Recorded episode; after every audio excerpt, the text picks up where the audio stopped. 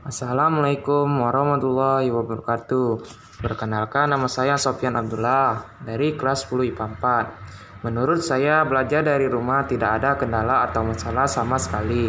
Mungkin bagi siswa yang tidak mengerti konsep dari BDR atau belajar dari rumah, dia akan mengalami masalah atau kesulitan belajar dari rumah.